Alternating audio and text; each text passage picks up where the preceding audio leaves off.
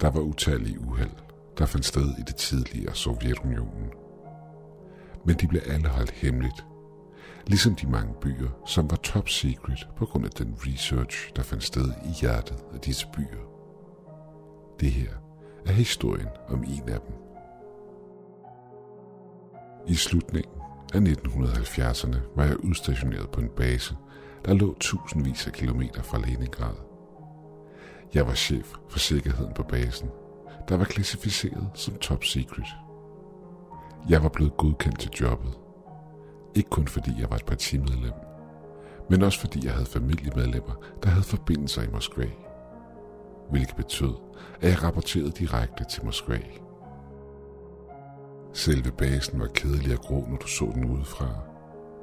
Men det var kun toppen af isbjerget, for den gik flere etager ned i den dybe undergrund, hvilket var hvor alt det tophemmelige foregik.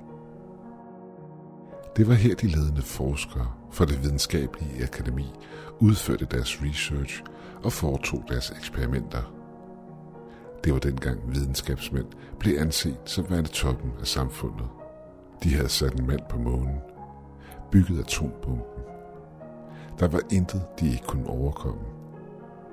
Men begivenhederne, der fandt sted 1. april 1986, ville for altid ændre ideen og synet på, hvordan offentligheden så på dem.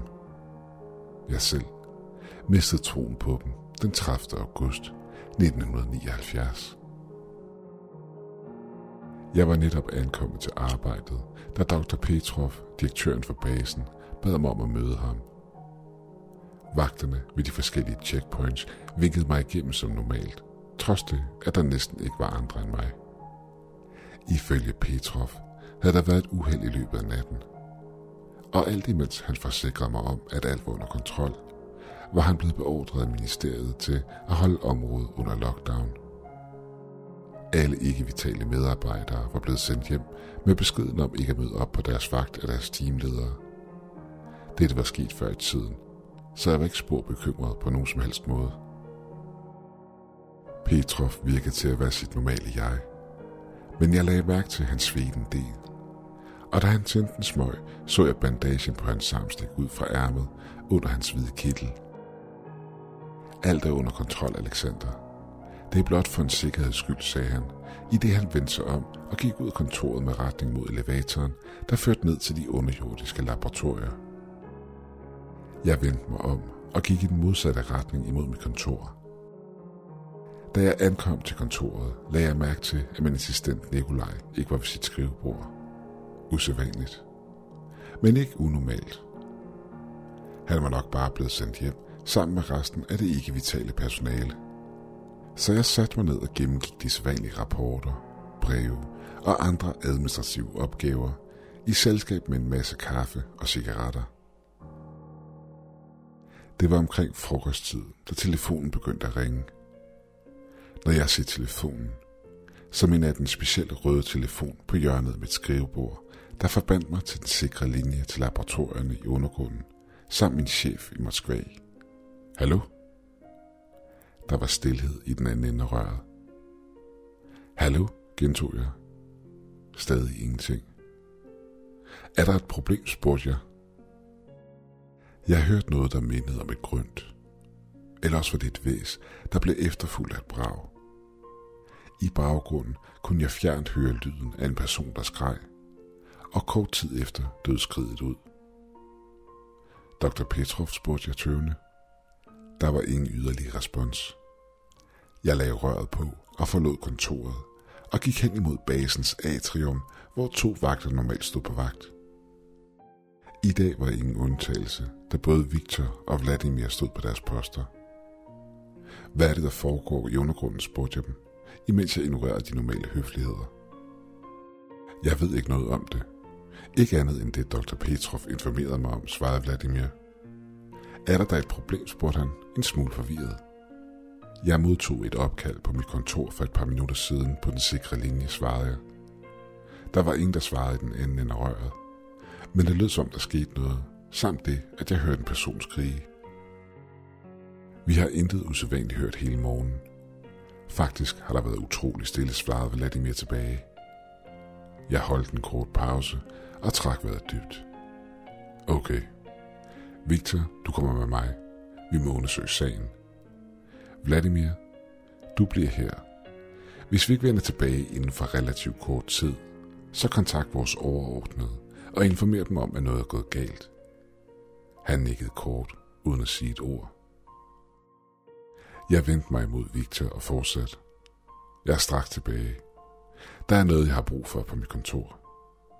Uden et ord vendte jeg mig om og gik tilbage til mit kontor, hvor jeg tog min jakke af, åbnede skuffen og tog min pistol samt hylstret frem, som jeg havde en masse erfaring med at bruge, men aldrig før havde haft brug for på jobbet. Jeg sikrede mig, at den var let og klar til brug, inden jeg smed den i hylstret og tog jakken på igen og gik tilbage til atriummen, hvor de to vagter stod og ventede. Lad os gå, var alt jeg sagde til Victor, inden jeg trykkede koden ind på elevatorpanelet. Vi stod i den trange elevator, i hvad der føltes som en evighed. Jeg sagde ikke et ord til Victor, der havde haft en bemærkelsesværdig karriere her, og som alle andre her på basen, havde magtfulde forbindelser til Moskva. Basen var en af de mest velrenommerede medicinske researchsteder i hele Sovjetunionen. Alt her var det bedste af det bedste, så jeg kunne ikke begribe, hvad problemet kunne være. Elevatoren stoppede på et tidspunkt i den underjordiske sektion af basen, og dørene åbnede sig lydløst. Da den gjorde, stiger både jeg og Victor ud i den enorme klimakontrollerede gang med en blanding af overvældelse og frygt. Flere læger samt andet personale blev spredt ud over gangen. Alle var de skader, og blodet flød overalt på gulvet. Nogle af dem havde fået reddet klumper af kød fra deres kroppe, og bare bidmærker fra noget, der mindede om et dyr. Min mave trak sig sammen, i det jeg stille trådte ud i gangen Victor bag mig. Alt imens min ene hånd hvilede på mit våben. Jeg trådte langsomt over kroppene, der engang havde været min kollegaer. Hvad der sket her? fik jeg langsomt fremstammet til Victor. Jeg ved det ikke, svarede han nervøs. Jeg vendte mig om og kiggede kort på ham. Den normalt rolige og upåvirkelige Victor så bleg ud. Jeg har aldrig set noget lignende, svarede han. Heller ikke jeg. Vi fortsatte igennem labyrinten af gangen, der for det meste bestod af kontorer, laboratorier og andre rum af den slags.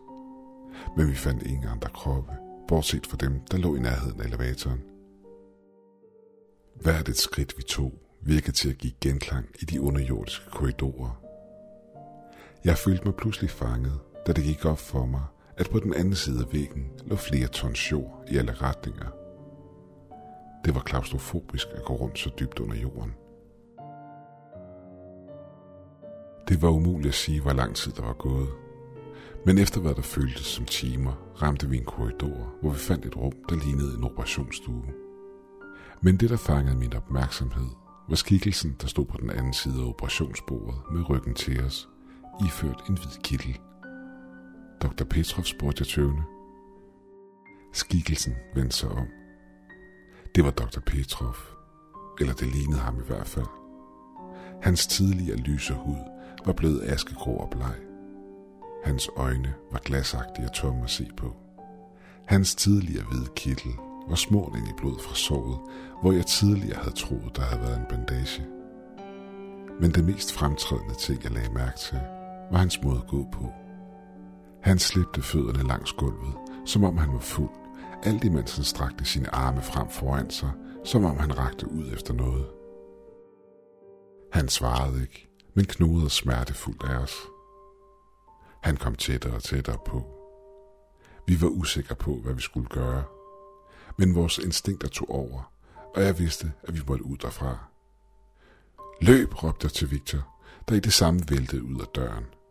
Jeg var lige bag ham, alt imens jeg kunne mærke det, der tidligere havde været Dr. Petrov, var lige hælende på mig.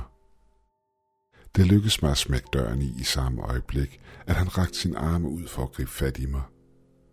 Jeg lagde al min vægt imod døren, i det Dr. Petrov ihærdigt prøvede at tvinge den op. Febrilsk kiggede jeg mig omkring for at finde noget at blokere døren med. Der var intet i gangen. Her råbte Victor og kom løbende tilbage med et stort metallisk instrument, som han satte i spænd i dørhåndtaget. Fordi døren åbnede indad, havde dr. Petrov ingen mulighed for at tvinge døren op. Dørens raslen gjorde mig nervøs, men den var sikret. Forløbig. Kom så, råbte Victor. Jeg fulgte efter ham, uden at sige et ord. Og vi løb den samme vej tilbage, vi var kommet fra. Mit hjerte hamrede i brystet på mig, hver gang vi drejede om et nyt hjørne, eller kom forbi en åben dør ind til et kontor, i frygt for, at noget ville springe ud og overraske os. Vi var næsten tilbage ved elevatoren, da det skete. Victor og jeg selv gik forbi en tilskydende korridor, da vi hørte noget. Lyden af noget, der bevægede sig hen imod os. Da vi vendte os om imod lyden, så vi Alex Porovic, en anerkendt biolog, løb imod os. Hans kittel var gennemvedet af blod. Han lignede sig selv, bortset fra raslen, der lyste ud af øjnene på ham. Elevatoren, nu, råbte han. I det jeg vendte mig om for at løbe mod elevatoren, så jeg, hvad det var, han prøvede at flygte fra. Et hav af kroppe, der alle havde den samme askegrå farve som Dr. Petrov, kom knurrende og savnende imod os. De jagtede Alex, som var han et såret dyr. De var hverken døde eller levende. Victor og jeg selv løb mod elevatoren til lyden af et kaotisk og vanvittigt kor af knoren, der rungede igennem gangen og op til os. Efter et par desperate tryk på elevatorknappen, så vi på hinanden, uden at vide, hvad vi skulle gøre, imens vi ventede på, at døren skulle gå op.